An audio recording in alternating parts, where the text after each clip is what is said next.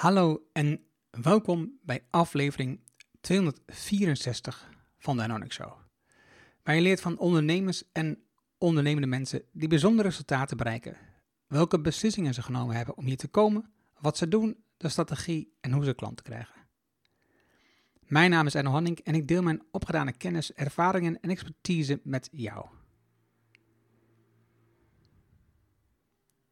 Ik coach ondernemers zodat ze stap voor stap de juiste beslissing nemen om uiteindelijk een gezonde groeimotor te creëren, zodat de onderneming vanzelf loopt. Hiervoor gebruik ik mijn ervaring met meer dan duizend klanten die met exact dezelfde issues zitten. En vandaag het gesprek met Melvin Chu Nij. Melvin is een netwerker puur zang. Geboren in Amsterdam en woonde tussen zijn 12e en 19 in Suriname. Eenmaal terug in Nederland deed hij de HAO en startte hij een bedrijf. Als ondernemer bezocht hij vele netwerkbijeenkomsten en al snel bleek dat hij zich in een overwegende blanke middelbare mannenwereld bevond. Dit was de aanleiding van de oprichting voor The Other Network.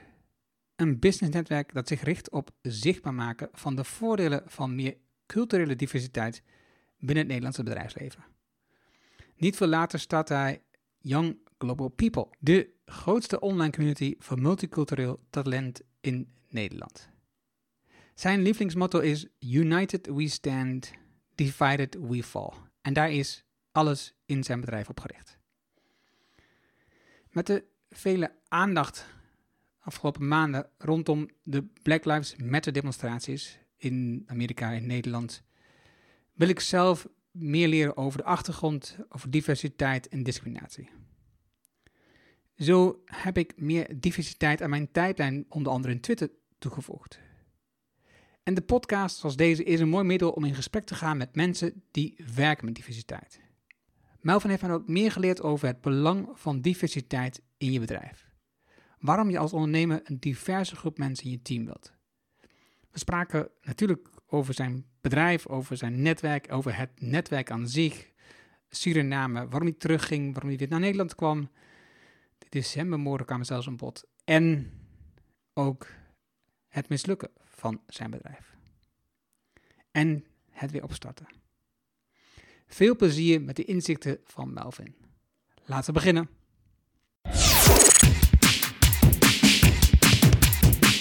Welkom in de Erno Hamming Show. De podcast waarin je leert over de beslissingen om te groeien als ondernemer met je bedrijf. Luister naar de persoonlijke verhalen van succesvolle ondernemers en ondernemende mensen. Dan nu jouw business coach Erno Hamming. Ik zit in Amstelveen voor de eerste keer sinds maart weer um, bij iemand te gast op zijn kantoor in zijn bedrijf. En ik zit bij Melvin Chu Nij. Klopt. En um, hoe we hier gekomen zijn is wel bijzonder. Uh, ik ben namelijk. Um, corona heeft natuurlijk nou, veel effect gehad op, ondernemerschap of mensen. Ik ben in de tussentijd wel enorm doorgegaan met, uh, met podcast opnemen. Maar in die tijd werden ook de rellen in Amerika rondom Black Lives Matter. Um, de is niet het goede woord. De, de demonstraties. demonstraties werden um, heftiger, en meer en intenser, waardoor we er meer van kregen te zien. En op een manier um, interesseerde mij, mij dat dus ook en ik ging er meer over nadenken. En dus dacht ik, ik moet wat meer diversiteit in mijn gasten inbrengen. En toen kwam ik uit bij Rut en Rut die zei uiteindelijk, ja, ik wil best wel in je programma, want die heeft diversiteit en die ken ik um, uh, in haar onderwerp. Maar zij is, zelf, zij is zelf een blanke vrouw. Ik, ik, ik wil dan dat je ook in je gasten meer diversiteit aanbrengt. Dus zij heeft mij een aantal gasten aangeraden, waaronder jij. En vandaar dat ik nu hier bij jou zit, Melvin. Nou, welkom. Dankjewel. En ook jij welkom in de podcast. Dank je. In een uh, lange introductie. en um, even, als ik kijk, je bent geboren in Amsterdam. Klopt. Um, uit Surinamese ouders. Ja. Um, waarom zijn jouw ouders, zijn jouw ouders in Nederland geboren die zijn, of zijn in Nederland gekomen? Nee, als ik hem even, als ik hem even mag vertellen. Ik ben in um, Amsterdam geboren uit Surinaamse ouders. Mijn ouders die waren leraren. Dus ze zijn in de jaren, nou, eind jaren 50 naar Nederland gekomen om te studeren.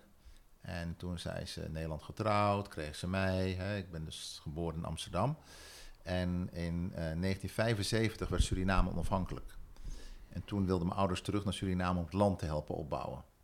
Dus eh, ik, mijn ouders en mijn broertje zijn inderdaad met de boot en alle huisraad eh, met de vrachtschip ja, vanuit Amsterdam vertrokken in eh 75 ehm, om weer terug te gaan naar Suriname.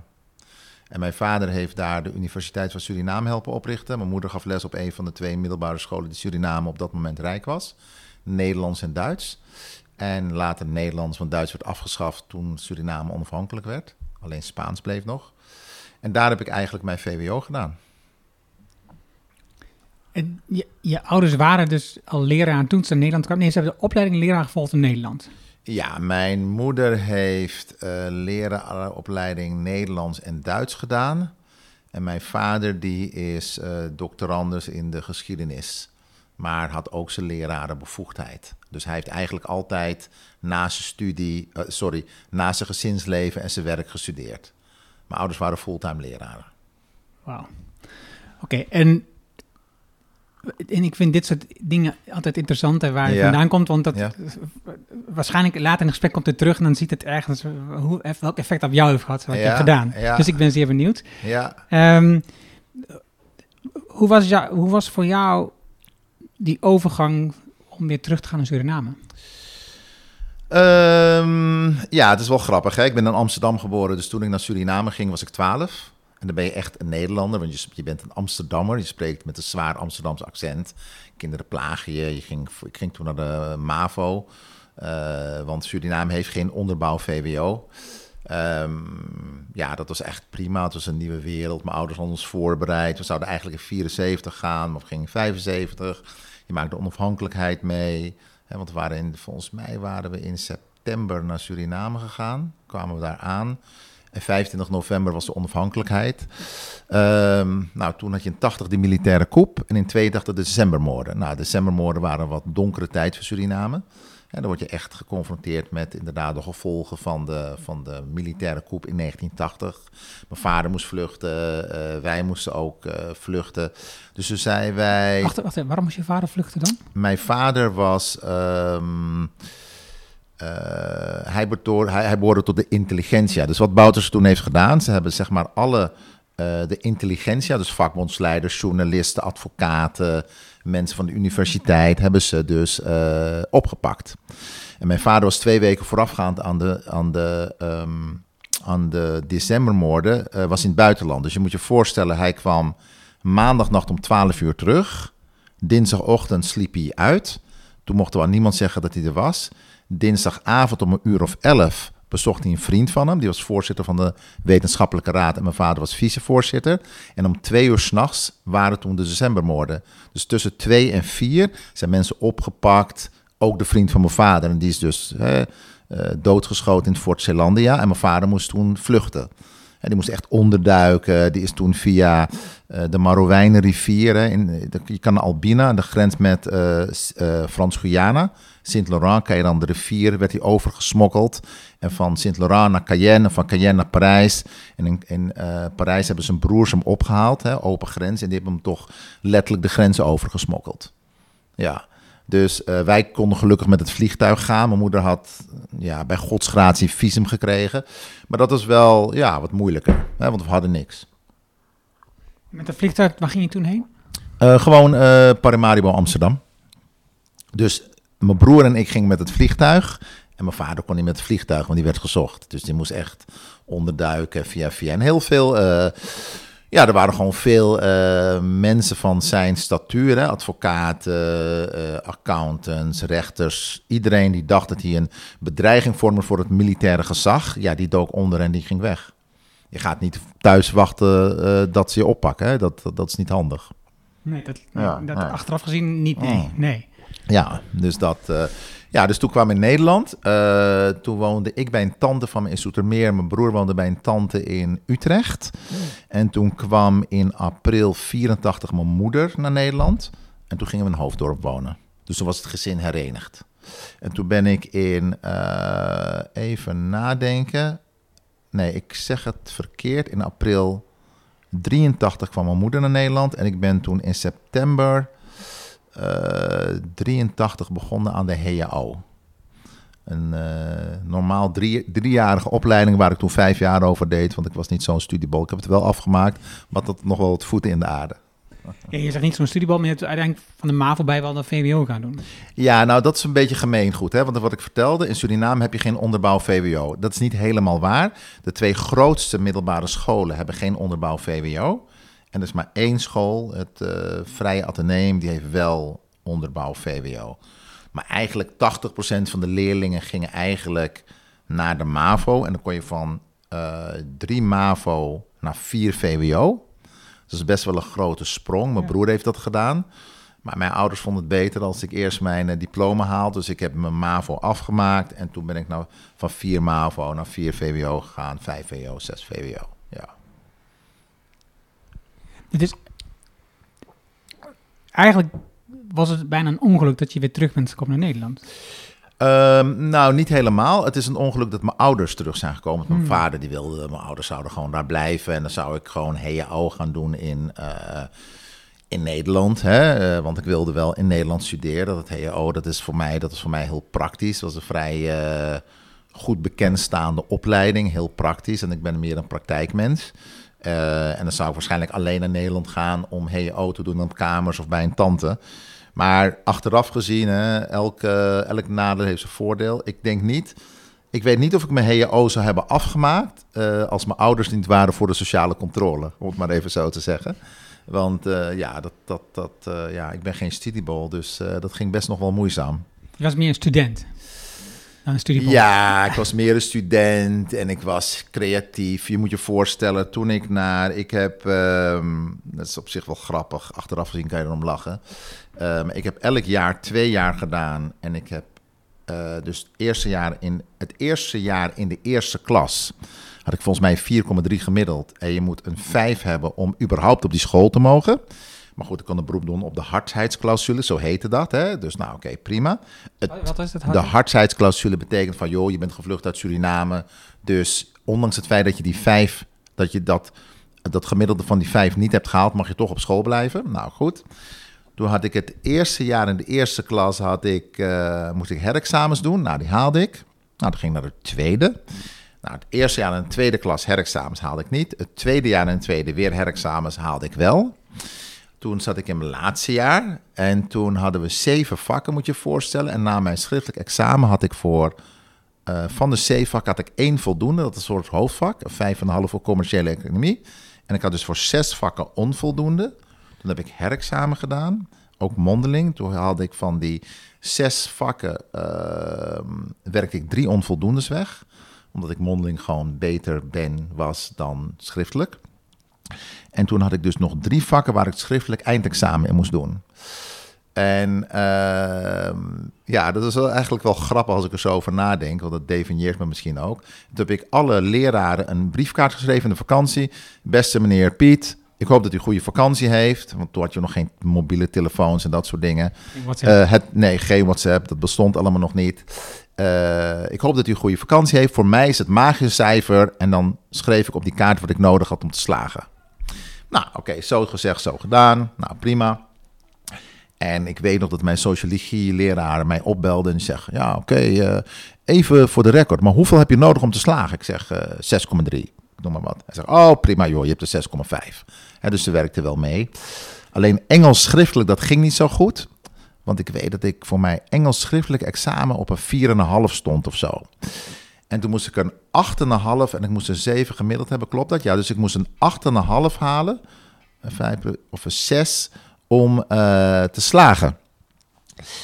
Dus 8,5. En ik ben vrij optimistisch. Ik zei tegen mijn pa, ah pa, dat komt goed joh. Want ik hoef maar een 8,5 te halen om, voor, Engels mondeling. Hè. Mijn vader dacht, jongen, het komt nooit goed bij de jongen. Nou, had ik het helemaal geoefend. Een werkstuk over Suriname met een Engelse vriendin van me. En toen had ik een 10. Dus dat was wel gaaf. Eh, maar elke keer als ik die Engelse leraar tegenkwam, zei ik: Meneer, ik heb een 8,5 nodig. Ja, Melvin. Meneer, ik heb een 8,5 nodig. Ja, Melvin. Ja, hij werd een beetje gek van mij. Maar ik heb zoiets, ja, soms moet je mensen een beetje in het begin beïnvloeden. Hè? Ja. Werkt dat nog steeds zo voor jou? Ja, ik denk dat het wel zo is dat je mensen zo vroeg mogelijk moet vertellen wat je wil, waarom je dat wil, what's in it for them en what's in it for you.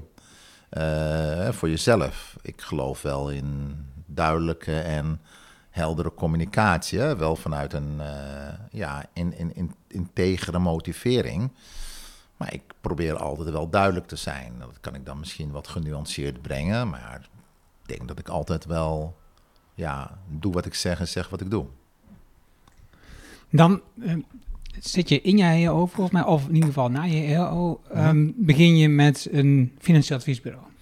Nou, niet helemaal. Dat is ook wel een grappig verhaal. Um, na mijn HEO in 88 heb ik een aantal salesbanen gehad. Maar um, ik was een beetje een enfant terrible. En het ging toen niet zo goed. En ik weet nog dat ik in 92 was ik in één jaar twee keer ontslagen. En bij mijn derde baan was ik teruggezet van verkoopleider naar vertegenwoordiger. Nou, ik denk dat ik al 100 sollicitatiebrieven heb geschreven toen.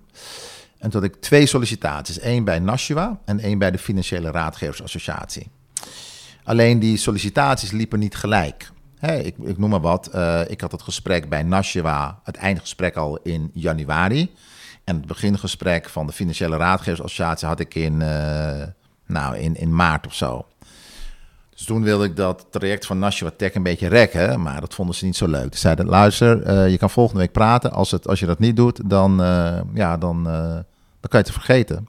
Nou, dus ik naar Den Bosch. Ik weet nog, vanuit Den Haag, gewoon Den Haag op een vrijdag in mijn autootje. Oké, nou goed. Nou, zij, zij met mij vragen stellen, hoe zie je dit, hoe zie je dat? Maar ik was een beetje... Ik, ik weet niet meer wat er was, maar ik was een beetje...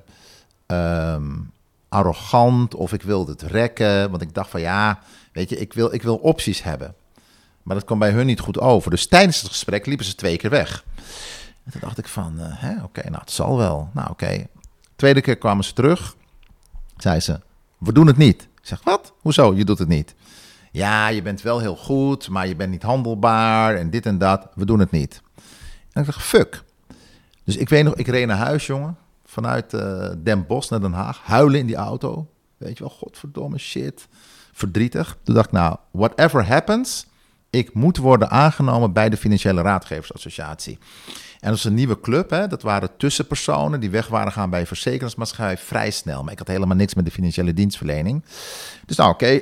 nou, eerste gesprek, dat, uh, dat ging goed, hè, want ze keken naar commercialiteit, naar eigen ondernemerschap. Want je werkt één dag vanuit huis en uh, nee, ik zeg het verkeerd. Vier dagen vanuit huis en één dag vanuit de zaak.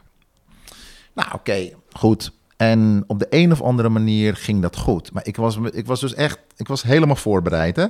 Ik um, weet nog dat um, tussen het eerste en het tweede gesprek hadden we het ergens over. Ik weet niet meer wat het was. Iets over een bepaald onderwerp. Dus stuurde ik mijn uh, sales manager, degene die mij aannam, die had verteld, ja, want alle accountmanagers hebben een postbakje. En als er dan post is of we willen ze ergens van op de hoogte brengen, zetten we iets in het bakje. Oké, oké, oké. Nou goed, ik naar huis. Ik dacht, oh ja, hij vindt onderwerp X belangrijk. Had ik gekopieerd voor hem, opgestuurd. Nou, ik vond het een ontzettend leuk gesprek. Hier heeft hij nog iets voor het bakje van de accountmanagers. Nou, uiteindelijk ben ik, uh, werd ik aangenomen. Maar wat ik niet wist, was dat ik de enige... Um, ik was de enige accountmanager die via een werving- en selectiebureau kwam. En ze moesten 10 mil voor betalen in guldens. En de discussie was gewoon ook van, oké, we hebben weinig geld, we zijn een start-up, we moeten 10 mil betalen voor Melvin. Het is wel een Surinamer, dus gaat hij succesvol zijn? Nou, gelukkig heb ik ze daarvan uh, kunnen overtuigen. Uh, en in de eerste, ik begon daar op 1 maart uh, 1993. En ik weet dat ik in juni stond ik op 486% van mijn target. Dus ik verkocht net zoveel als het hele team. Want ik had zoiets van, nou weet je, het gaat me niet overkomen dat ik hier uh, word ontslagen. Dit is mijn laatste kans. Dus daar heb ik ook uh, mijn netwerkskills gebruikt om mijn producten te verkopen.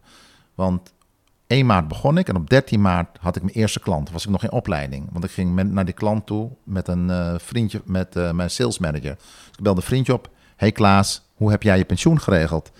Ja, niet, niet. Reclame, ja, niet. Ik zeg, oké, dan maken we afspraak. Kom ik met mijn sales manager. Nou, goed. 13 maart, Klaas maakte klant. En Klaas is ook een van degenen geweest die als ambassadeur voor mij optrad. Dus ik denk dat ik in de jaren 3, 4, 95 had ik misschien 30% van mijn omzet uit het netwerk van Klaas. En daardoor heb ik ook zeg maar het ambassadeursprincipe ont, uh, heb ik, uh, uh, ontwikkeld. En op een gegeven moment gingen zelfs trainingen geven in het netwerk. En netwerk als verkoopstrategie. Dus bij een nieuwe lichting had ik een training ontwikkeld, die gaf ik. En toen ben ik in 97 voor mezelf begonnen met een eigen financieel adviesbureau. En van 2002 tot 2005 een Master Financial Planning aan de UvA Business School. Want ik had tot die Dat tijd... was was naast, ik- naast, je, naast je bedrijf was dat, in ik. ja, dat is echt een... ehm, nou, het is echt een hele zware bevalling van een drieling. Je moet je voorstellen, je moet dus twee jaar lang 15 uur per week studeren. En het kostte toen eh 7.500 euro per jaar of zo. Nou goed, hè, dat had ik dan wel, maar dat moest ik er bij elkaar schrapen. En dan moet je er tijd in stoppen. Het was eh, van elke dinsdag van 4 tot 10. Ja, dus dat is zes uur en dan moet je nog studeren. En ik had toen hele kleine kinderen, want ik had toen, de jongste was toen 2002, die was twee. Het waren zes, drie en twee of zoiets. Eh, dus relatief jong.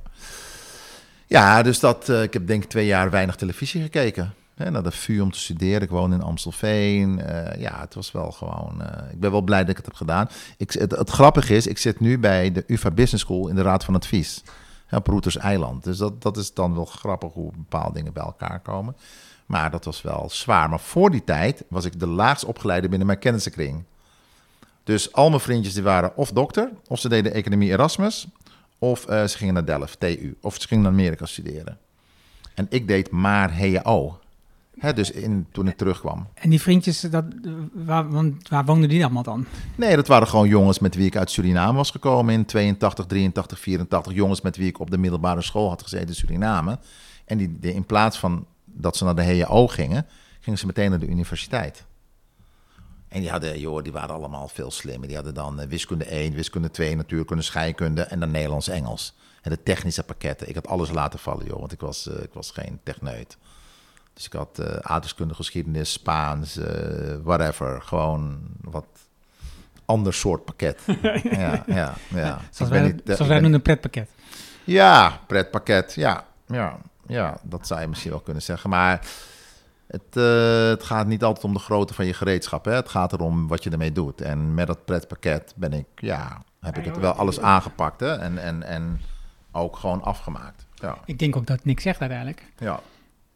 En let- laten we dan de link leggen met nu. Als je die Ja. vriendjes van toen naar nu kijkt, hoe zie je dan jezelf in verhouding? Ehm, ja, hoe zit ik me? Ja, kijk, zij zijn loondienstmannen. Hè? Zij zijn in loondienst. eh, of in Nederland of in Suriname zijn ze ingenieur of ehm, manager of directeur. En ik ben ondernemer. Dat is sowieso een, een, een, een groot verschil. Ben je in loondienst of ben je ondernemer? Ondernemer is ja, de waan van de dag. Het is hosselen. Het is elke dag nadenken over ehm, wat ga je de volgende dag doen. Het is, het is heel eh, omvangrijk. En eh, ik heb echt moeten leren om ondernemer te worden. Want eerst speelde ik ondernemer. Eh, en wat ik daarmee bedoelde is dat ik eigenlijk niet goed omging met geld. En langzamerhand ging dat steeds beter. Hoe, lang heb je als ondernemer gespeeld? Ehm, nou, om het verhaal dan even weer op te pakken. Ik heb een Master Financial Planning gedaan van 2002 tot 2005. Maar ik merk dat iedereen aan wie ik mijn financiële diensten verkocht... die waren, al die jongens en meisjes waren blond met blauwe ogen. In mijn kennissenkring was iedereen gekleurd. En in mijn eh, zakelijke netwerk was iedereen wit met blauwe ogen. Dus ik dacht, nou, dat is een beetje vreemd. Hè? Toen heb ik die Other Network opgezet als gedachte, als netwerkclub. Want overal waar ik kwam, was ik de enige gekleurde persoon. Ik weet nog, ik was een keer op een eh, meeting waar ik de enige niet-blanke was. En eh, mijn Amerikaanse neef zou zeggen: This event is so exclusive that even the waiters are white. En zo was het ook letterlijk. Nou, goed, heb ik die Other Network opgezet. En toen was het echt alsof zeg maar, de stukjes van mijn kosmische puzzel meteen op een plek eh, eh, eh, vielen. Hè? Van, van gaaf. Het verenigen van mensen onder een gemeenschappelijk doel, meer multiculturele diversiteit brengen in zeg maar, de Nederlandse samenleving, dat is gaaf. Daar ben ik ook veel beter in dan in het verkopen van pensioenen, hypotheken en lijfrentes. Dus heb ik het adviesbureau verkocht. Ik ben begonnen met die Other Network. Dan heb ik een jaar daarna. Oh, oh, niet te snel. Je hebt Ja. je adviesbureau verkocht. Ja. Aan wie en hoe? Ehm, een vriendje van mij in het netwerk van die Other Network was ja, broker. Die verkocht, kocht en verkocht assurantieportefeuilles, zoals dat heet. En die kende een bedrijf wat mijn portefeuille wilde overnemen. Dus uiteindelijk ging het puur om de mensen die in je portefeuille zaten. Ja, het is een levenportefeuille, zoals het heet. Hè? Dus eh, pensioenen en hypotheken. Bij schade heb je elk jaar eh, terugkerende inkomsten, omdat je elk jaar je schadecontract moet eh, vernieuwen. En bij leven zijn het langere termijn contracten waar je zeg maar eh, cross-selling kan doen. Dus ik verkoop iemand een pensioen, maar dan kan ik misschien ook iemand een hypotheek, een spaarplan, noem maar op. En via de persoon weer bij andere personen komen. En was dat je startkapitaal voor de Other Network? Nee, nou, nee, want kijk, die Other Network had ik niet echt startkapitaal. Ik, ik, ik runde het financieel adviesbureau nog toen ik begon met die Other Network. Dus bij, die, bij dit financieel adviesbureau ben ik gestopt in, eh, ja, ik denk 2005, 6. Hè, dat is echt een beetje dood. Ja, het is niet helemaal waar. Ik weet eigenlijk niet meer wanneer ik mijn portefeuille heb verkocht. En daarna deed ik nog wel wat met hypotheken maar niet meer met lijfrentes. Maar het is een beetje geleidelijk gegaan. En toen ehm, dacht ik van, joh, 2004 die Other Network, nou hartstikke gaaf.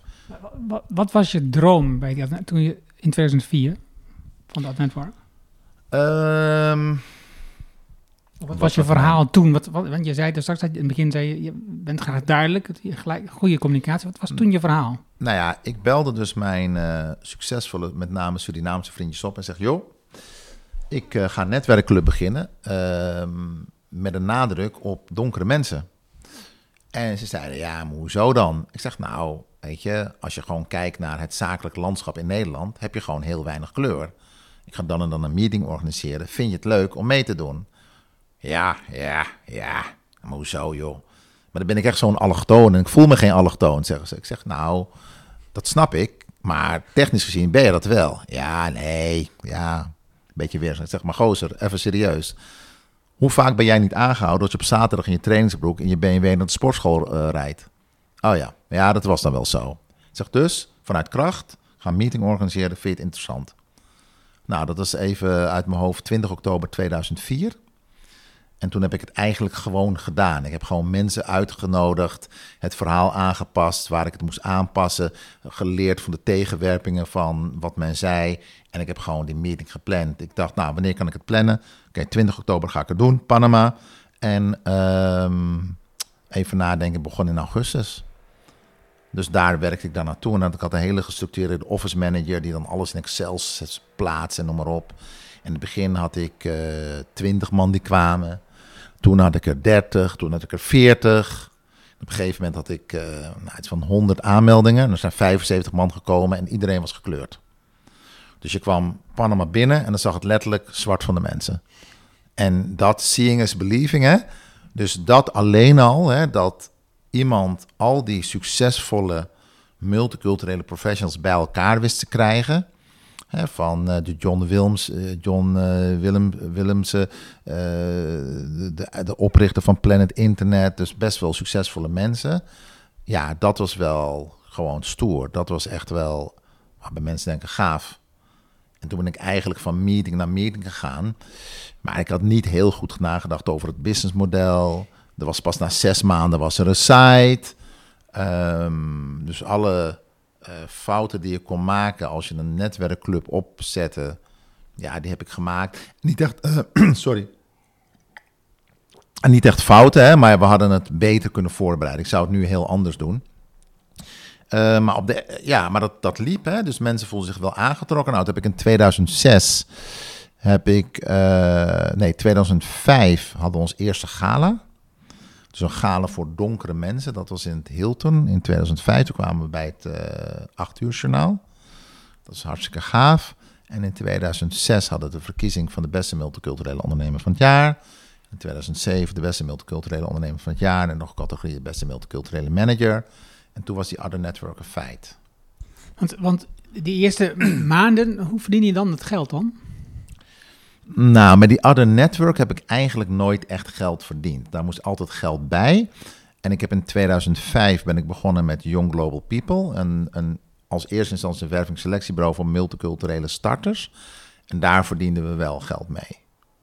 En ik heb Young Global People opgezet met mijn uh, huidige businesspartner Wilma, Wilma Schild. En Wilma die begon uh, in september als stagiaire. En uh, ja, met haar heb ik het concept ontwikkeld. En zij is heel strak, heel analytisch. En zij is nu ook partner voor, voor de helft. Um, en je had het net over les, hè? En ik denk dat alle dingen waarvoor zij mij heeft gewaarschuwd, die ik niet moest doen en toch deed, omdat ik dacht, nou, ik ga het gewoon doen, hoezo? Um, ja, die kwamen allemaal uit. Dus ik heb eigenlijk van haar geleerd om een betere ondernemer te worden. En nu ben ik in de huidige situatie, ja, zijn we allebei wel ondernemer.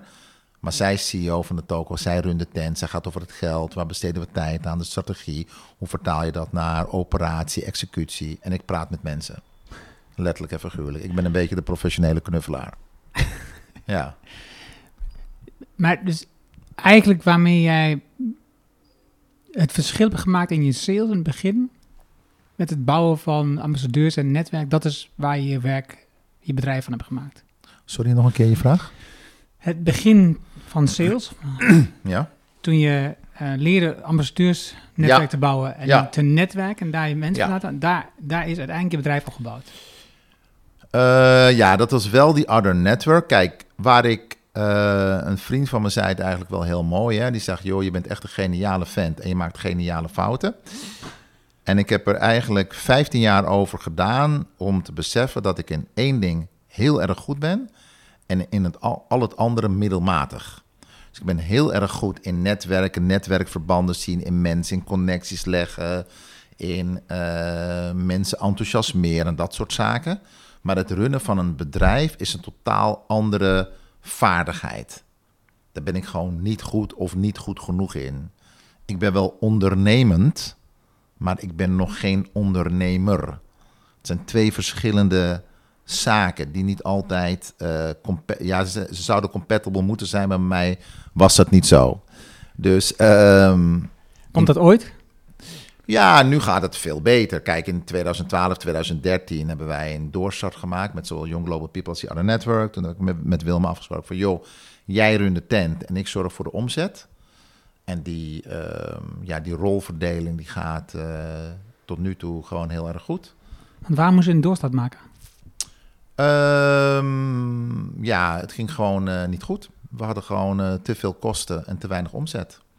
En we hebben na 2013 ook eh, het businessmodel veranderd. Want het businessmodel van zeg maar, je levert allochtone starters aan grote bedrijven in de tijd van het gedoogkabinet met de PVV, de crisis, dat liep gewoon niet goed.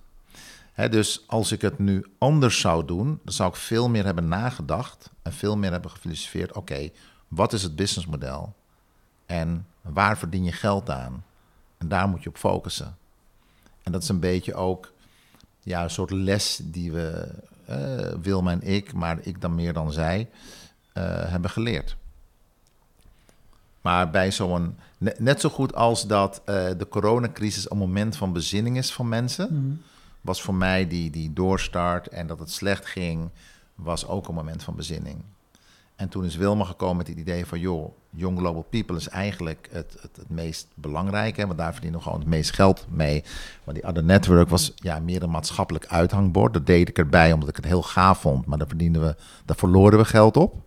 Ehm, dus zij zei, we maken een vacaturebank voor Young Global People. En jij moet abonnementen gaan verkopen. Nou, het duurde volgens mij eh, drie weken voordat ik snapte wat ze bedoelde. Want zij is veel slimmer dan ik. Dus ik moest, moest bij mij even landen. Nou, dat hebben we denk ik gedaan tot 2015 en continu het concept uh, bijgeschaafd. En nu verkopen we pakketten, hè, omdat we vinden en we merken dat culturele diversiteit, althans de implementatie van culturele diversiteit bij een bedrijf, is niet alleen het plaatsen van een vacature voor een donker persoon. Het is veel meer. Dus wij hebben onze pakketten zodanig ingericht dat wij A, de employer branding van een bedrijf gaan verhogen, dat een bedrijf een bedrijfsprofiel kan aanmaken, vacatures in de vacaturebank, en dat wij gaan helpen door middel van werving en selectie een kandidaat te vinden die we gaan begeleiden, maar we trainen ook de recruiters en de managers van het bedrijf. Het is een en, en, en, en principe. Want waarom is dat allemaal nodig? Ja, dat is een, uh, dat is een goede vraag. Um, ja, waarom is het nodig? Het korte antwoord is dat uh, tussen zeg maar zakelijk Nederland en de multiculturele groeperingen die in Nederland wonen, zitten veel cultuurverschillen. En die cultuurverschillen, ondanks het feit dat we allemaal Nederlanders zijn, die leiden ertoe dat multiculturele mensen op een andere manier naar de arbeidsmarkt kijken.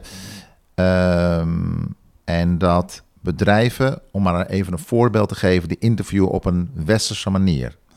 En als je op een westerse manier iemand interviewt die op een multiculturele, multiculturele manier naar de arbeidsmarkt kijkt, dan kan je uh, false negatives hebben. Dus je, je neemt iemand niet aan die uh, wel geschikt is. Dus bijvoorbeeld, de recruiter zegt, joh, beste Moment, waarom wil je advocaat worden? En Moment zegt, nou, omdat dat mijn familie heel erg trots zou maken.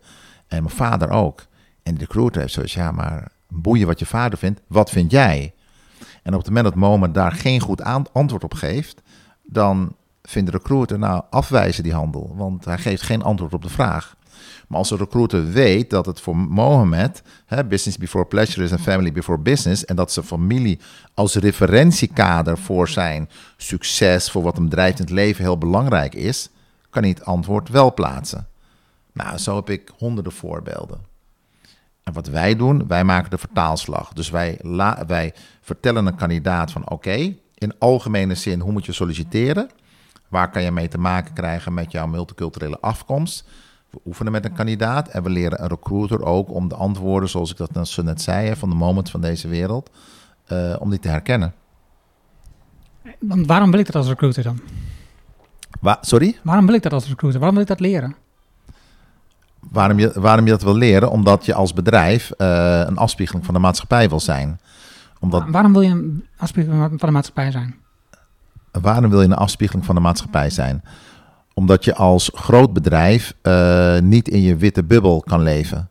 Omdat het uh, even los van het maatschappelijke, hè, dat een bedrijf bestaat uit mensen, uit uh, mensen die komen uit alle lagen van de bevolking. Dus jong, oud, dik, dun, gekleurd, blank, wit, zwart, geel, groen, homo, hetero, lesbisch, transgender, whatever.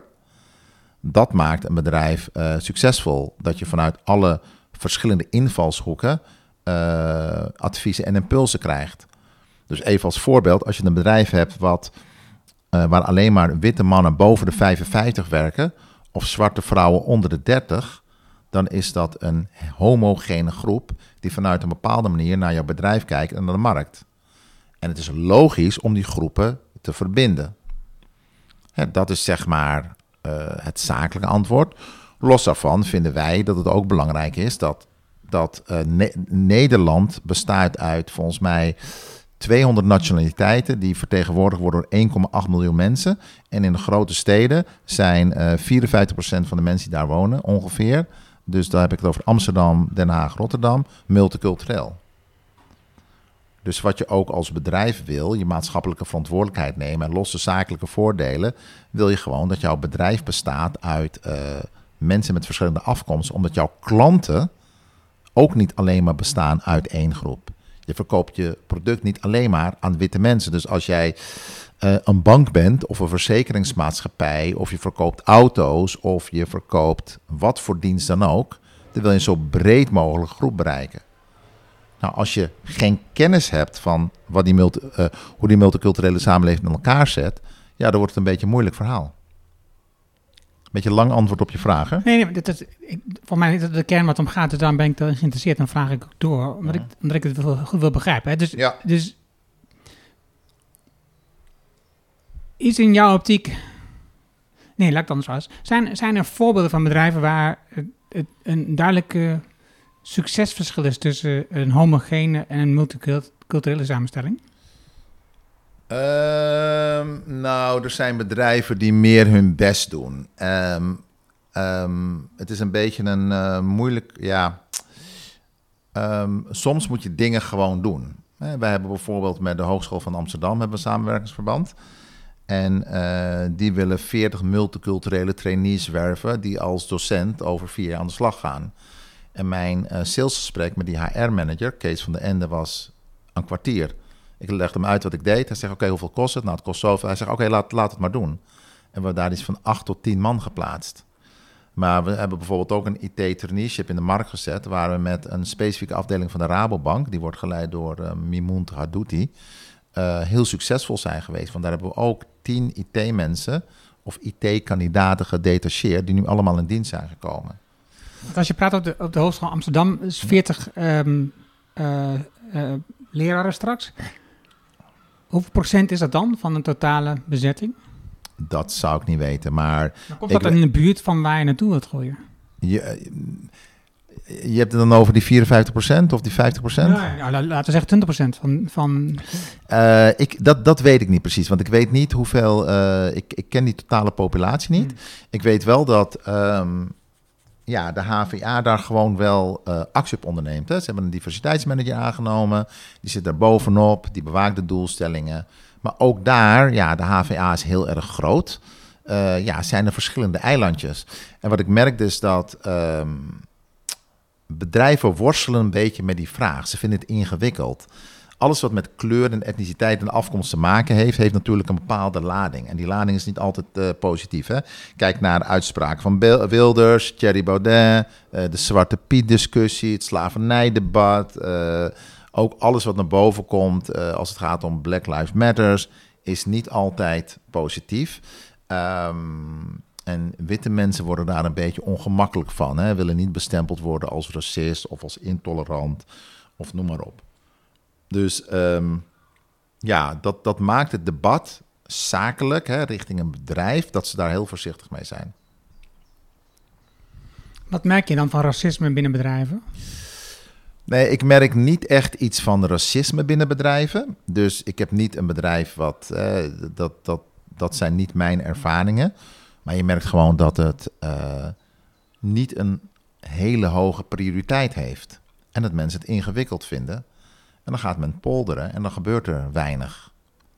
Kijk, het is eigenlijk heel simpel. Als je als commercieel bedrijf een doelstelling wil behalen, wat die doelstelling dan ook is, heb je een aantal dingen nodig. Je hebt een doelstelling nodig, je hebt een mandaat nodig, hè, we gaan het doen, en je hebt budget nodig. Als het gaat om culturele diversiteit, speelt dat eigenlijk niet. Geen enkel bedrijf in Nederland zegt, nou weet je, wij willen dat 20% van onze starters uh, multicultureel zijn, 15% van onze mediors en 5% van de topmanagers vanaf schaal 15, wat het dan ook is. Om dat te bereiken, hebben wij die en die strategie. Wij gunnen ons één jaar, twee jaar, we trekken daar half miljoen vooruit. Dat gebeurt niet. Zo concreet gebeurt het niet bij geen enkel bedrijf. Er is, er is een, zoiets vergelijkbaars natuurlijk um, voor vrouwen. Mhm. in de top. Hè? Dus mhm. heb je een top ja. vrouwenquota. Ja. En, um, en daar zie je vergelijkbare discussies. Ja. Je, het, het, nee, als, we, als we dat doen, dan krijg je niet de juiste kandidaten. Ja. Het blijft gewoon een discussie en, en, en, moeizaam om uiteindelijk dit soort dingen te doorbreken. En klaarblijkelijk is dus uh, om dan een multiculturele punt op de agenda te krijgen nog veel moeilijker dan vrouwen. Ja, want vrouwen, vrouw, is, vrouw is minder bedreigend. Hè? Ik bedoel, uh, ik denk de meeste mannen zijn getrouwd met een vrouw of hebben dochters. Hè? Dus dat, dat, dat, ja, dat is sympathieker. Het is minder in your face, het is minder bedreigend. En culturele diversiteit, ja, dat is ingewikkelder. je merkt ook dat de meeste bedrijven, maar ook de meeste witte Nederlanders, eigenlijk totaal geen idee hebben hoe de multiculturele samenleving in elkaar zit. Ik vergelijk het altijd met de Amerikaan. De gemiddelde Amerikaan weet niet wat het verschil is tussen een Zweed en een Italiaan. Laat staan tussen een Nederlander, een Duitser en een Belg. En als je Nederlander een Duitser noemt, dan uh, wordt hij boos. En als je, als je hem een Belg noemt, gaat hij lachen. Zegt hij nee, dat is hij ook niet. Hè, en dat, hè, dus, dus op dat niveau speelt het. Dus de gemiddelde witte Nederlander weet niet, wat, wat is nou het verschil tussen een eh, Turk en een Surinamer? Of laat staan tussen een Turk en een Marokkaan, of een Surinamer en een Antil- Antilliaan. Als je zeg maar de vier voornaamste etnische minderheden mag noemen in Nederland. Ja, ze hebben geen idee. En het is ook niet iets wat ja, mensen echt interesseert. Het, het, het, het, het zit gewoon niet in hun, eh, ja, hoe zal ik het zeggen, in hun leven. Hè? Dus komen weinig mensen van kleur tegen. Ja, als je in de stad loopt of als je bediend wordt met je vriendenkring, zakelijk. Nee, dus dan leef je een beetje je, ja, een beetje je bubbel en dan ehm, ja, heb je daar weinig kennis van. Ja, grappig genoeg, want jij, jij bent een Surinaam. Je had veel Surinaamse vrienden Ja. vanuit, vanuit je eh, ehm, middelbare schooltijd. Ehm, maar ja, zoals ik het tot nu toe vertaal, heb jij een vrij gemaleerde bubbel. Ja, kijk, ik. Ja, ik denk dat, maar dat is achteraf gezien, doordat ik in Nederland ben geboren, mijn jeugd in Suriname heb doorgebracht en toen weer terug ben gekomen, kan ik goed schakelen in beide samenlevingen. Dat is één. Mijn vader is een eh, onbewust bekwame netwerk, netwerker, hè, dus we kenden echt iedereen.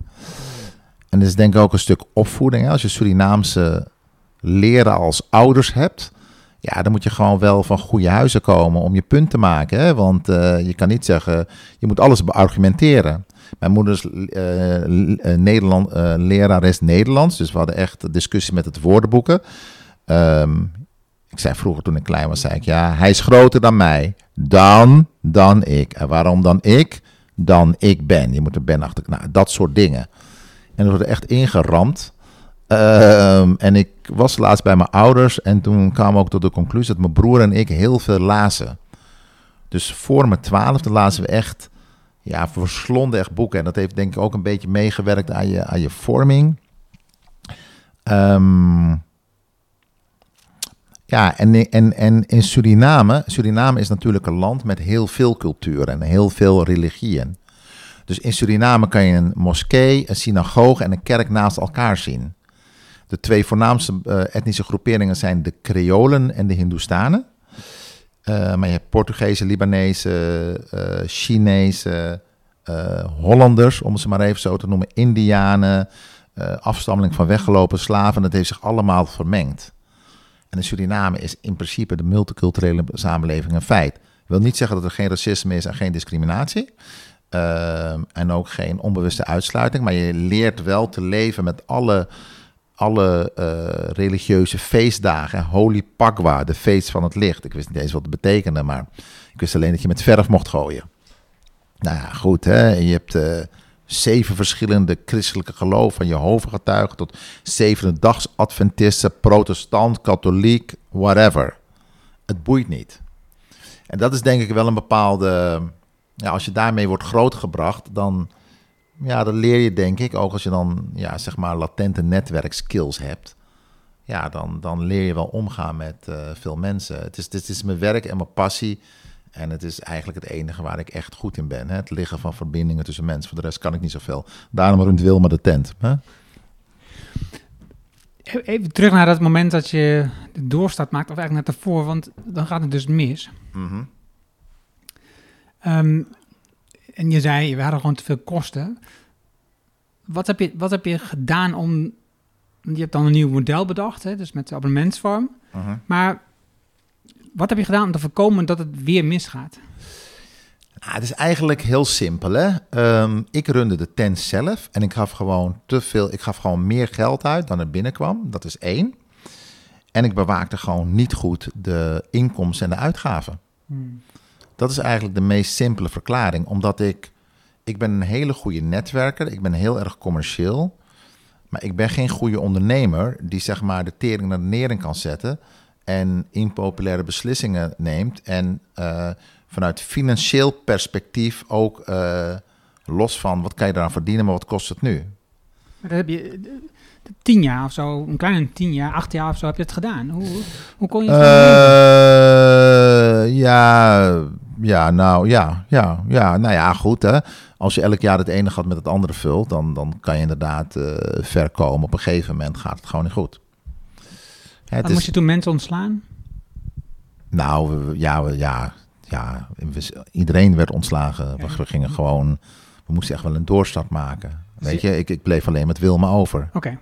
Dus dat was wel het moment van de waarheid. En toen zei zij van, ja, je hebt er echt een teringzooi van gemaakt. En het was ook zo. Dus ik wil wel blijven, maar dan ga ik over het geld. Toen zei ik, ja, inderdaad, maar misschien moet je ook de tent runnen. En dan ga ik gewoon sales en acquisitie doen en jij runt de tent en je gaat over het geld. Ja, en toen kwam zij inderdaad met een nieuw systeem. En, ja, en op die manier gingen we, zijn we eigenlijk eh, met elkaar verbonden gebleven. Je bent nu vijf jaar verder. Mhm. Hoe groot is je team nu? Eh, we zitten nu met eh, drie recruiters, eh, één persoon van social media en één office manager relatiebeheerder. Dus we zitten met ons mee met vijf, zeven, sorry. Vijf man in dienst, zeven man totaal. Los van de mensen die we detacheren, maar dat telt eigenlijk niet mee. We Ja. hebben zeven man. Want hoeveel mensen in totaal detacheer je ongeveer gemiddeld? Ja, we zitten tussen de acht en de tien. Ja, dus dat is op zich niet superveel, maar dat, Nee. dat, dat, dat, dat, dat moeten we ook uitbreiden. Ja. Ja. We zitten nu in de coronatijd. Het vraag natuurlijk is of we nog middenin zitten of dat we aan het begin zijn of aan het eind. Dat is nog heel totaal onduidelijk. Maar wat, wat is tot nu toe je grootste leerpunt, ontwikkelpunt geweest? Ha. Ja. Ik heb een zakelijk leerpunt en ik heb een privé leerpunt. Nou, het zakelijke leerpunt is dat je eigenlijk... eh, ik vond het galen van die Other Network altijd heel belangrijk. En die Other Network, de business club. En heb ik eigenlijk drie jaar eh, lopen knokken met Wilma, want zij vond het ook wel belangrijk. Maar zegt ja, hey, het is, eh, we leiden verlies. Ja, hoeveel leiden verlies? Ja, ik, misschien 30, 40, 50k even los van de uren.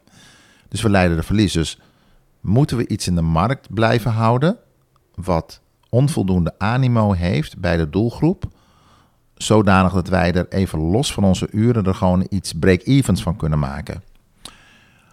Dus toen die coronacrisis begon en het duidelijk werd dat het galen niet doorging, of dat als we moesten kiezen tussen een evenement, dat we dan moesten kiezen tussen een YGP-evenement of een ehm, die Other Network evenement, toen had ik daar wel moeite mee.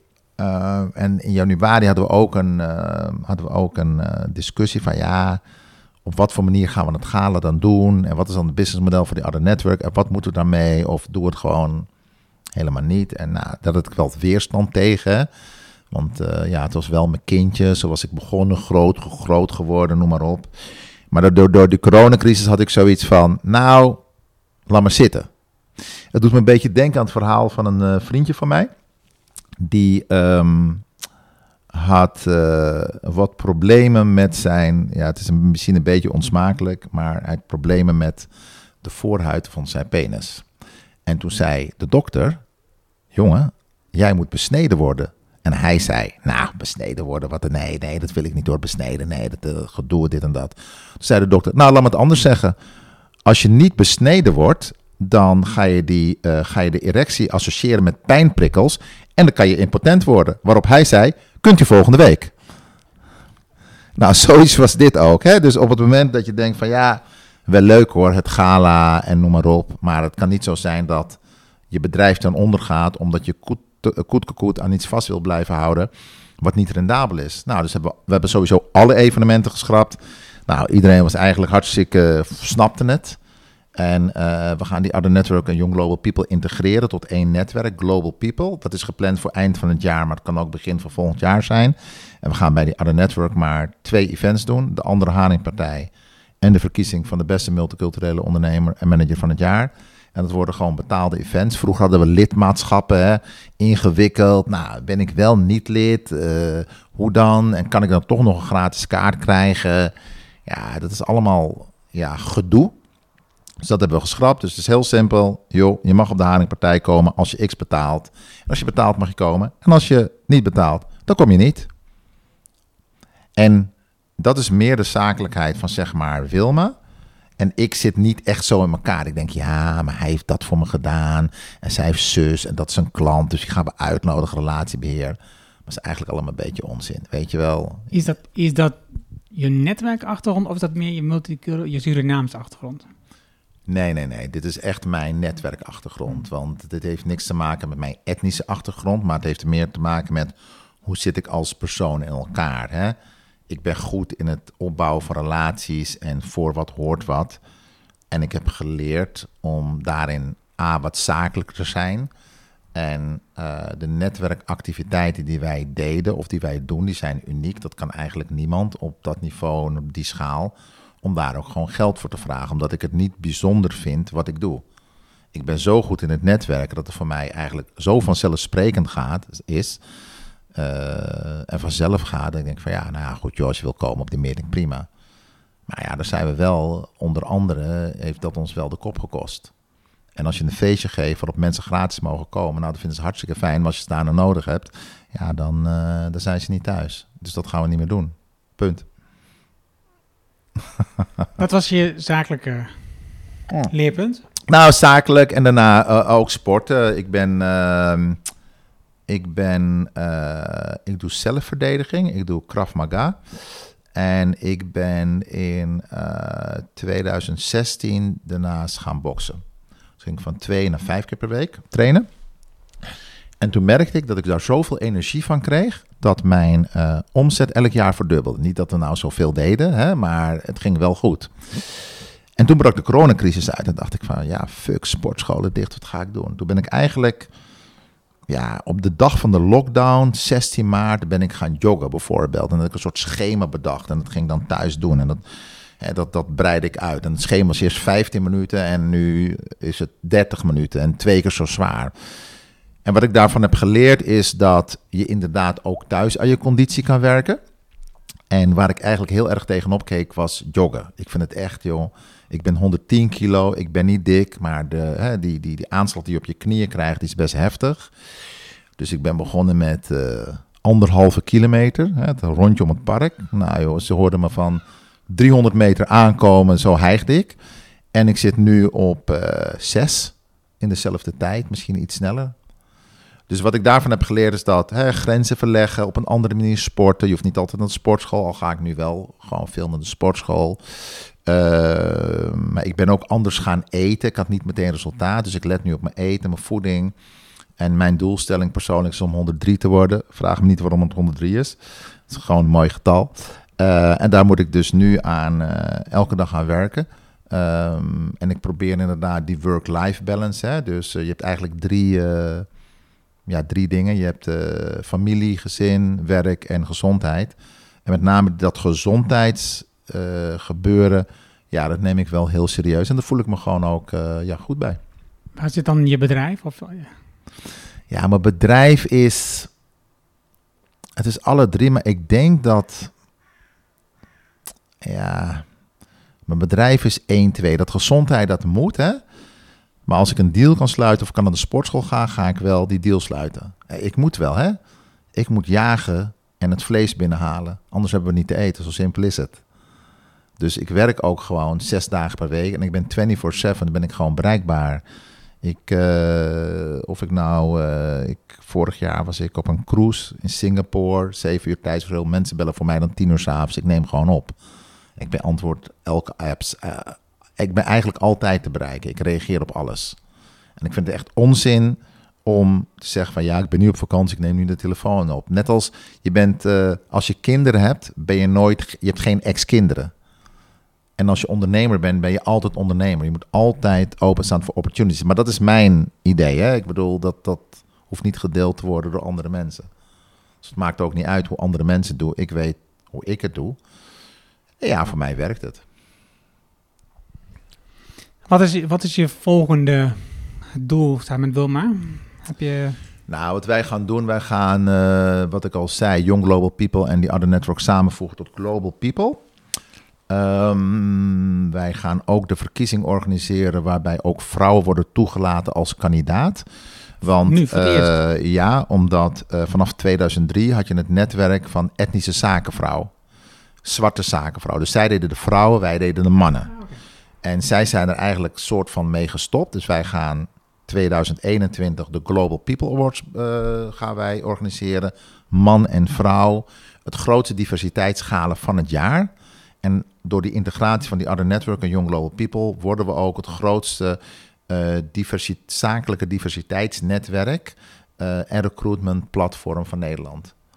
Dus er is geen enkel bedrijf die alle dingen doen die wij doen, maar wel deelgebieden. Dus je hebt bijvoorbeeld wervingsselectiebureaus, je hebt studentenverenigingen. Maar het niveau waarop wij de verkiezing doen en de andere haringpartij, dat, ja, dat kan eigenlijk geen enkele organisatie.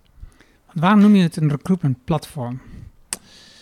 Um, Wat is daar anders aan? Nou ja, omdat het omdat we niet, we doen een aantal dingen om mensen te bemiddelen. Hè. Wij vinden het niet voldoende om ehm, iemand te bemiddelen op een functie die open staat voor een bedrijf. Je moet ook het bedrijf A van binnenuit veranderen. Eigenlijk begint het met de employer branding van een bedrijf. Dus uh, communicatiebureau X wordt klant. Dan moeten wij gaan vertellen, hé hey jongens, wij hebben communicatiebureau X als klant. Die doen dat en dat en dat. Of wij hebben PostNL als klant. En dan kan jij met je dubbele master een IT-traineeship uh, beginnen. Uh, en dat is heel erg uitdagend. Je wordt geen postbode, bij wijze van spreken. Dus we verhogen de employer branding. We organiseren events om doelgroepen met elkaar in eh, contact te brengen. We leren kandidaten hoe ze inderdaad moeten solliciteren, hun cv beter krijgen. Hoe ze zeg maar voor onze westerse manier hun gesprekken kunnen voeren. En we leren de recruiters om op een andere manier naar kandidaten te kijken. Maar als kandidaat, wat betaal ik er dan voor? Een kandidaat is gratis, bedrijven betalen. Bedrijf betalen, Ja, dus mijn businessmodel is dat een bedrijf koopt een pakket, als ik het zo mag zeggen, en betaalt gewoon daarnaast een losse recruitment fee gebaseerd op het salaris van de kandidaat. Ik wil nog een paar dingen met je doornemen. Ja. Um, corona. Het ja. aan, net als iedereen, lockdown, mensen thuis. Ja. Um, nu zitten de mensen bij jou op kantoor. Uh -huh. Um, hoe lang heeft het geduurd voordat je de mensen weer in je kantoor hebt gehaald? Uh, we hebben eigenlijk altijd met uh, 2,5 personen op de zaak gezeten. Dus Wilma werkt drie dagen, ik en Monique. Omdat we hier, nou, zoals je ziet, gewoon voldoende ruimte hebben.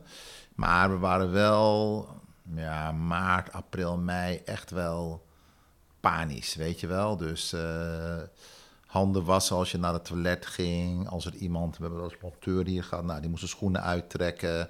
Die werd bijna nog niet ontsmet. Uh, en nu werken we ook zeg maar, met uh, maximaal twee van de vier uh, recruiters op, op de zaak. Of tenminste werknemers. Dus we zijn nog steeds niet op de volledige bezetting. Dat gaan we denk ik, ik denk dat we het begin september gaan doen. Um, op dit moment, wat ik aan het begin al zei, Black Lives Matter, mm -hmm. Nederlands Zwarte Piet discussie. Ja. Wat doet dat met jou? Um, ja, kijk, ik heb me persoonlijk. Um, ik ben vroeger natuurlijk wel gediscrimineerd als je een tent wil binnenkomen. Hè? Maar ik heb daar wat minder last van gehad.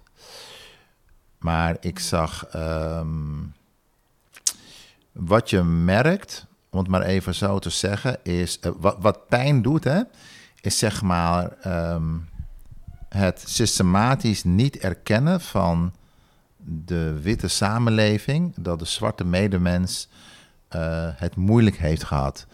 En uh, het wordt een beetje afgedaan van, hé hey, luister, um, ja, het is al 300 jaar geleden gebeurd en uh, loop niet zo te zeiken en het valt allemaal mee. Daar heb ik een aantal antwoorden op. Hè. Het is net zoiets voor de zwarte mensen om de slavernij te erkennen en de gevolgen daarvan, waar ik straks wat meer over ga te vertellen, is net zoiets als het ontkennen van de holocaust. Hè. Van ja, het is uh, 70 jaar geleden, dus ja, het valt allemaal mee. Het feit dat iets lang geleden is gebeurd, hè, de slavernij is 1600, 1700, wil niet zeggen dat het meevalt, wil niet zeggen dat het niet erg is. En ik zag laatst een uh, verhandeling van Cynthia McCloud over de slavernij. En toen klikte er iets, hè, want wat ze zei is van... Kijk, in de, 17e, in de 16e en de 17e eeuw was de kerk heel belangrijk. De kerk was eigenlijk de machtigste organisatie in die tijd. Nou goed, kerk is christelijk. En in het christelijke geloof heb je gezegde... Heb uw naaste lief gelijk uzelf. Nou, dat kent eigenlijk iedereen. Dus hoe kan je dan verantwoorden dat je mensen rooft uit Afrika, zoals beesten ketend in een boot, waarvan zeg maar nou 20% sterft onder erbarm, erbarmelijke omstandigheden, en ze dan te werk stelt als slaven op plantages? Dat kan alleen maar als je de zwarte medemens in je hoofd en als filosofie ontmenselijkt. Dus eh, de neger is niet gelijk aan de witte mens. Ja, hij ziet er wel uit zoals ons, maar hij is niet gelijk. Ja, hij heeft wel gevoel, maar niet zoveel. Ja, hij kan wel pijn voelen, maar niet zoveel pijn als wij. En intelligentie en hogere begrippen, zoals liefde, verdriet, abstracte intelligentie, nee, nee, dat, dat, dat heeft hij niet. En op die manier wordt zeg maar een hele bevolkingsgroep um, gebagatelliseerd op een institutionele manier. Hè? Want slavernij is 16e, 17e eeuw, dus dat is honderden jaren doorgegaan. De afschaffing van de slavernij was in 1863, waarbij Nederland een van de laatste landen was. En effectief 1873, omdat de slaven nog onder een soort contract stonden voordat ze naar de stad mochten gaan. Hè? Dus dat is 250 jaar. Dat is best lang. En dat witte superioriteitsgevoel van ja, de zwarte mens was slaaf en hij is niet gelijkwaardig aan ons. Dat zit nog steeds in het DNA van uh, ja, het witte gedeelte van de Nederlandse samenleving. en dat, zie je dan ook tot uiting komen in het etnisch profileren van een belastingdienst of van het staande houden van uh, uh, auto's van, ehm, door de politie. Maar dat zie je ook door het feit dat als je kijkt naar corporate Nederland, zie je gewoon heel weinig kleur eind 60, begin jaren 70 kwam, um, kwamen de Turken en de Marokkanen als gastarbeiders naar Nederland. Nou, dat waren ook niet de meest hoogstaande bandjes. Hè, fabrieken, schoonmakers, noem maar, op. Spraken niet of slecht Nederlands. En dan heb je inderdaad dat, dat, dat je onbewust krijg je als witte Nederlander mee van ja, de, de, de, de zwarte medemars, ja, die uh, ja, is niet zo slim. Heeft een andere, is een tweederangs burger. Nou, als je dat combineert met ehm, het gevoel dat de witte Nederlander van zichzelf vindt dat hij heel erg liberaal is, dat is hij ook, als het gaat om inderdaad prostitutie, als het smoken van hash, je mag alles zeggen. En de Nederlandse samenleving staat open voor iedereen. Ja, staat wel open, maar je moet dan wel voldoen aan die dominante normen van die samenleving. Dus als je inderdaad het ergens niet mee eens bent, hè, je vindt, ja, Zwarte Piet moet je niet naar komen, dat is gewoon een kinderfeest. De VN bestempelt dat als racisme. En in Nederland vinden we een kinderfeest. En als je die discussies volgt op het internet, die zijn echt heftig. Hè? Ga terug naar je eigen land. Kloot, eh, gewoon, het is, het is echt heftig. Dan blijkt dat Nederland toch niet zo tolerant is als, wel, als men wel denkt. Wat een witte Nederlander heel erg vindt. Want die vindt zichzelf wel heel tolerant. Maar als je kijkt naar de feiten, de feiten van waar ik me mee bezig hou, heel weinig instroom, multicultureel talent op traineeships, op hogere posities minder dan 1%. Uh, eh, er is nog nooit, nog nooit een gekleurde minister geweest in de Republiek van Nederland. Nou, dat weet niemand en dat interesseert ook niemand. Nou, dat soort feiten, want het is feitelijk, dat is onderzocht, hè, dat is gemeten. Uh, ja, dat dringt dan niet door tot, tot de samenleving. En dat is wel jammer. Dus kort antwoord op je vraag. Persoonlijk, ja, kan ik er absoluut mee leven. Maar aan de andere kant, hè, als je dat realiseert, dan denk ik van ja, dan moeten we toch, hè, want Nederland is voor iedereen met iets van meer dan 200 nationaliteiten, 1,8 miljoen mensen. Dus dan moeten we toch met z'n allen proberen om daar een soort gemene deler in te vinden. En dan moeten we toegaan naar een maatschappij waarin ieder zijn cultuur wordt omarmd, omarmd en gerespecteerd. En niet alleen de cultuur van de dominante soort. Ik hou van je en ik wil met je zijn, maar wel op mijn voorwaarden. Je mag dus niet je eigen mening hebben. En als je dat wil, ja, dan moet je opsodemieteren. Ja, dat werkt natuurlijk niet. Je wordt er stil van, hè? Nee, nee, ik, nee, nee ik, ik, ik, wat ik al zei, ik vind het in onze, toen we even buiten in ons voorstel, het, is, het, het, het, het, het, houdt me enorm bezig, dit onderwerp. En um, de aandacht van Black Lives Matters op dit moment, die is, die is vrij intensief. Het is 50 dagen ondertussen protest in, uh, in Amerika, in verschillende steden. Ja. Wat doet dat voor je bedrijf? Voor het onderwerp diversiteit bij bedrijven? Nou, je merkt, je merkt inderdaad, hè, inderdaad als Jesse Klaver zegt... joh, we moeten excuses maken voor het slavernijverleden. Rutte zegt, joh, ik snap dat Zwarte Piet als racistisch, als racistisch wordt ervaren.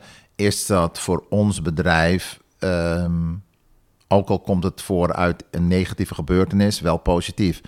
En ik ben geen activist, maar als je naar de geschiedenis kijkt, Ja, is het simpelweg dat de radicalen eh, veranderden de geschiedenis. Hè, dat was Robespierre die Marie-Antoinette, de koningin van Frankrijk, onthoofde. En daarmee was de Republiek Frans geboren. Maar ook inderdaad hè, de Tweede Wereldoorlog, eh 9-11, noem maar op. Ehm, dus soms is er iets nodig om zeg maar, mensen wakker te schudden. En dan vind ik Black Lives Matter wel een mooie manier van de gemeenschap om te laten zien dat ze het er niet mee eens zijn en dat er aandacht wordt gevraagd voor het thema. Want als je in Amerika zwart bent en je wordt aangehouden door een politieagent, ja, dan loop je gewoon een grote kans dat je gewoon doodgeschoten wordt. Nou, in de hedendaagse wereld is het eigenlijk te belachelijk voor woorden.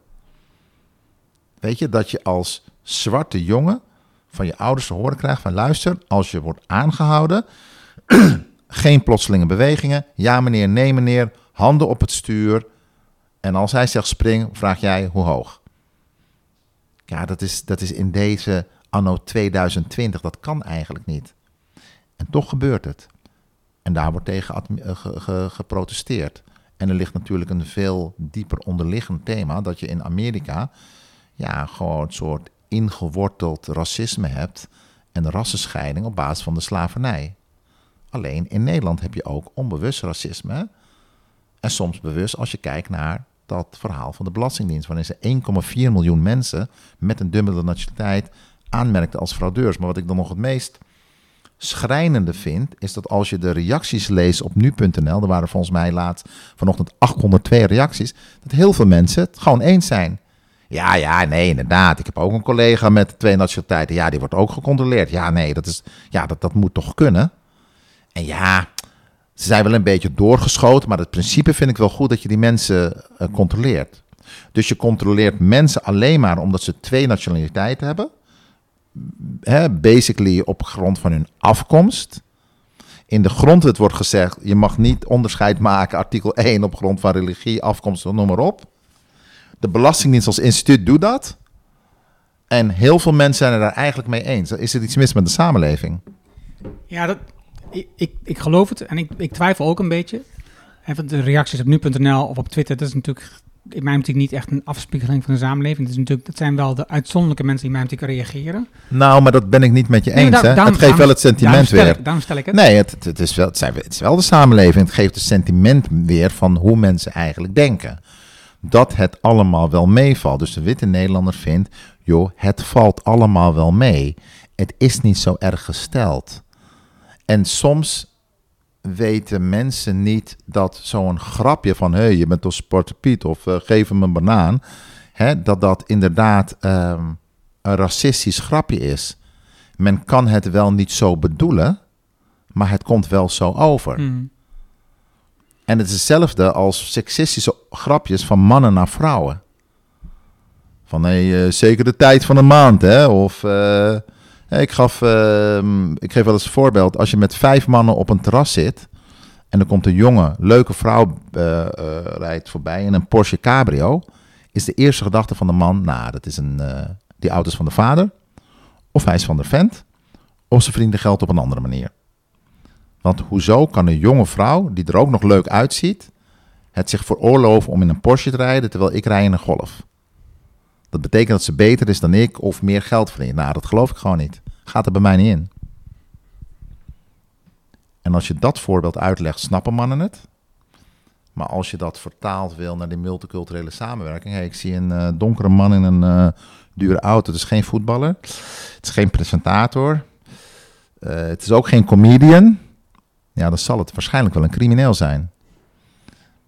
En ik chargeer misschien met deze voorbeelden, maar dat is wat er leeft bij heel veel mensen in Nederland. Ja, en dat is toch wel zorgelijk. Ik eh, herinner me het voorbeeld van jouw chat ook, wat jij zei. Ja. Als een ja. donkere voetballer. Als hij scoort is hij een Nederlander en als hij mist dan is hij een eh, Surinamer, ja. Maar dat is, dat is ook zo, hè. Dat, maar dat, de media heeft daar natuurlijk ook wel een grote rol in. Man met Noord-Afrikaans uiterlijk gesignaleerd voor overval. Maar er wordt nooit gezegd... eh, eh, middelbare blanke man van rond de 50 gepakt als vastgoedfraudeur. Dus eh, ja, tuurlijk, dat bek lekker. En ik snap dat we klanten moeten verkopen, nieuws moeten verkopen. Maar ik vind dat de media hier ook gewoon een hele grote verantwoordelijkheid heeft. Sterker nog, dat was laat in het nieuws dat je bij de NOS had je de Divi-bokaal. En, eh, de, en, dat soort wedstrijd. Het is eigenlijk te, het is te belachelijk voor woorden. En hoeveel donkere journalisten zijn er nou echt in Nederland? Weet je, ik bedoel, we werken samen met die bedrijven en het is echt best ja, treurig. Ze hebben geen idee. Dus ik kwam laatst, uh, ik hoorde laatste verhaal van een vriendje van mij. Die was in uh, Madrid. En toen kwam er een Amerikaan naar hem toe en zegt: Excuse me, excuse me. Do you know where the Eiffel Tower, is? Hij zegt: Ja, rechtdoor lopen dan naar links. Maar, um, hè, dus die Amerikaan had geen idee. En soms lijkt het erop, en het geldt natuurlijk niet voor iedereen, dat het witte deel van de Nederlandse bevolking ook op die manier gewoon denkt. Ze hebben geen idee. En als ik gesprek heb met klanten, zeggen ze soms ook: ja, we weten het gewoon niet.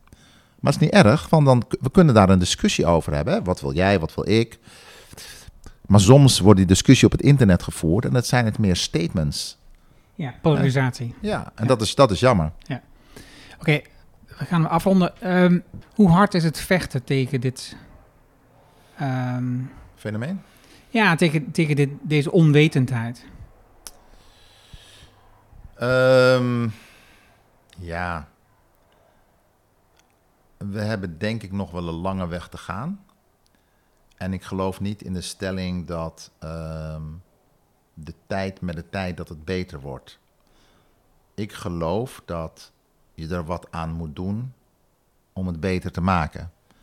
En inderdaad, met de Black Lives Matter protesten, de discussies die we hebben, het racisme-debat, worden mensen zich veel meer bewuster van het feit dat het A überhaupt zo is. En hoor je ook in de politiek uh, stemmen opgaan om daar wat aan te doen. En dat is net als de Arabische lente, hè, waarin toen heel veel inwoners in Arabische landen ja, in opstand kwamen tegen het regime.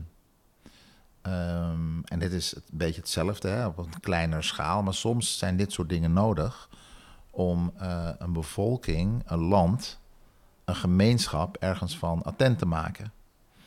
Dus we hebben nog een lange weg te gaan. Ik denk alleen dat als we kijken naar Nederland, dat heb ik ook in mijn talktuig gezegd, eh, als, als, als gemeenschap. Kijk, Holland is de gateway to Europe. En Amsterdam is de gateway to, to, to Holland, om het maar even zo te zeggen. Dus economisch, als internationaal land, als handelsland, denk ik dat het ook gewoon goed is voor Nederland om alle culturen die hier wonen te omarmen en toegang te geven tot de internationale gemeenschap om Nederland als een soort internationale hub te zien, maar als ook, als, ook als een toonbeeld van de multiculturele samenleving, hoe het wel zou kunnen. Ik denk dat wij die rol op ons kunnen nemen als uh, klein kikkerland. En dat die rol ons ook gewoon uh, geen windeieren zal leggen. En dat is natuurlijk heel mooi, dat, hè, dat je maatschappelijke um, strategie gelijk loopt met je economisch resultaat. Dus door het omarmen van die maatschappelijke strategie gaat het ook beter met Nederland. Krijgen meer internationale mensen hier, er is er meer werkgelegenheid, de economie gaat beter, noem maar op. Is er, is er een land wat een voorbeeldland kan zijn? Los van Suriname? Nou, -hmm. dat is dan geen voorbeeldland als het gaat om de economie, maar dat ligt aan de vorige regering. Uh, ja, dat weet ik eigenlijk niet maar, precies. Maar Suriname is wat betreft um, integratie van cultuur wel een goed voorbeeld dus. Ja, dat vind, dat vind ik wel. Want daar loopt, ja, daar woont iedereen naast elkaar. En ja, ik ben er opgegroeid. En dan maakt het niet uit. En ook Suriname heeft zijn, hè, zijn, zijn vooroordelen. De Creole is X, de Hindoestaan is Y, de Chinees is Z, de Nederlander is H. Dus, maar dat hou je. Vooroordelen hoeven per definitie niet slecht te zijn. Alleen als het betekent dat je dan een bepaalde bevolkingsgroep of mensen met een bepaalde afkomst institutioneel, uh, laat me dan zo zeggen, uitsluit of negeert, dan is het niet goed. En dan wordt het moeilijk. Ja. Lees je nog steeds zoveel als uh, vroeger? Nee, ik lees echt heel weinig. Nou, ik lees wel veel uh, fictie voor ontspanning. Op vakantie lees ik inderdaad, uh, een paar weken lees ik wel acht boeken of zo. Dus ja. dat wel. Maar nu, nee, nu minder. Okay. Ja. En wil ik je vragen, wat is een boek? Nou, dan vraag ik gewoon alsnog. Je hebt misschien toch wel eentje. Wat is een boek wat jij de meeste mensen hebt gegeven of hebt aanbevolen? Ehm, nou, er is niet echt een boek, maar een boek wat ik mensen zou kunnen aanraden is Mannen komen van Mars en Vrouwen van Venus. Het is gewoon, eh, is dat zo? Ja, Vrouwen van Venus. Het is wel fascinerend om in dat boek te lezen hoe de verhouding is tussen man en vrouw. En eh, ja, daar heb ik wel veel geleerd, van geleerd. Van oké, hoe zit het zelf in elkaar? waarom reageer ik zoals ik reageer? En vrouwen zijn geweldige wezens. En het is daarom als man altijd wel handig om te weten hoe dat bij hun werkt. huh? Melvin, dankjewel. Hoe kunnen mensen jou het beste bereiken? Um, ja, heel simpel. Ze kunnen mij een mail sturen op uh, melvin.ygp.nl. Dus dat is uh, Marie, Eduard, Leo, Victor, Isaac, Nico en dan apenstaartje YGP, ijsbrandgerardpieter.nl. Of uh, ze, kunnen, ze kunnen me bellen, 0653 300 685. En voor de liefhebbers 0653 300 685. En ik sta altijd open voor een uh, gesprek over het onderwerp. Koffie, bellen, skypen, whatever. Super, dankjewel Melvin. Jij ook bedankt. Dat was het bijzondere gesprek met Melvin. Je vindt de namen en links die we noemden in het artikel dat bij deze uitzending hoort. Ga daarvoor naar ernohanning.nl slash show 264. Wil je vanzelf automatisch de volgende afleveringen van deze podcast ook op jouw telefoon krijgen? Dat kan. Heb je een iPhone, dan is dat heel gemakkelijk. Dat is standaard Apple Podcast app op. Simpel. Open deze, zoek de Anonic Show op, klik op abonneer. Heb je een Android-telefoon? Ook eenvoudig. Installeer dan eerst de Player FM app bijvoorbeeld en open deze. Zoek de Anonic Show, klik op abonneer. Dankjewel alvast. Heb je vragen over deze aflevering met Melvin of over de podcast in het algemeen? Stuur dan een e-mail naar podcast.ernohanning.nl Ik hoor super graag van jou. Ik lees alle mails en beantwoord ze zelf. Wil je deze crisis gebruiken om verandering te realiseren in je bedrijf? Ontdek hoe juist nu innovatie kunt versnellen en 9 gouden tips die je nu kunt doen voor je marketing. Wil je leren met welke beslissingen je sterker uit deze crisis komt met je team? Vraag dan het boek Beter Beslissingen rondom een crisis aan op earnwarning.nl. Dit is mijn nieuwste boek en je downloadt het helemaal gratis. Je hebt zelfs geen e-mailadres nodig. Wil je de papieren versie van het boek? Dat kan ook. Je betaalt dan alleen de verzendkosten. Mijn nieuwste boek blijft gratis. Vraag het daarom nu aan op earnwarning.nl. En het is niet groot. Je leest het in één avond uit. Dankjewel voor het luisteren en graag tot de volgende. Dankjewel voor het luisteren naar de Erno Hanning Show op ernohanning.nl.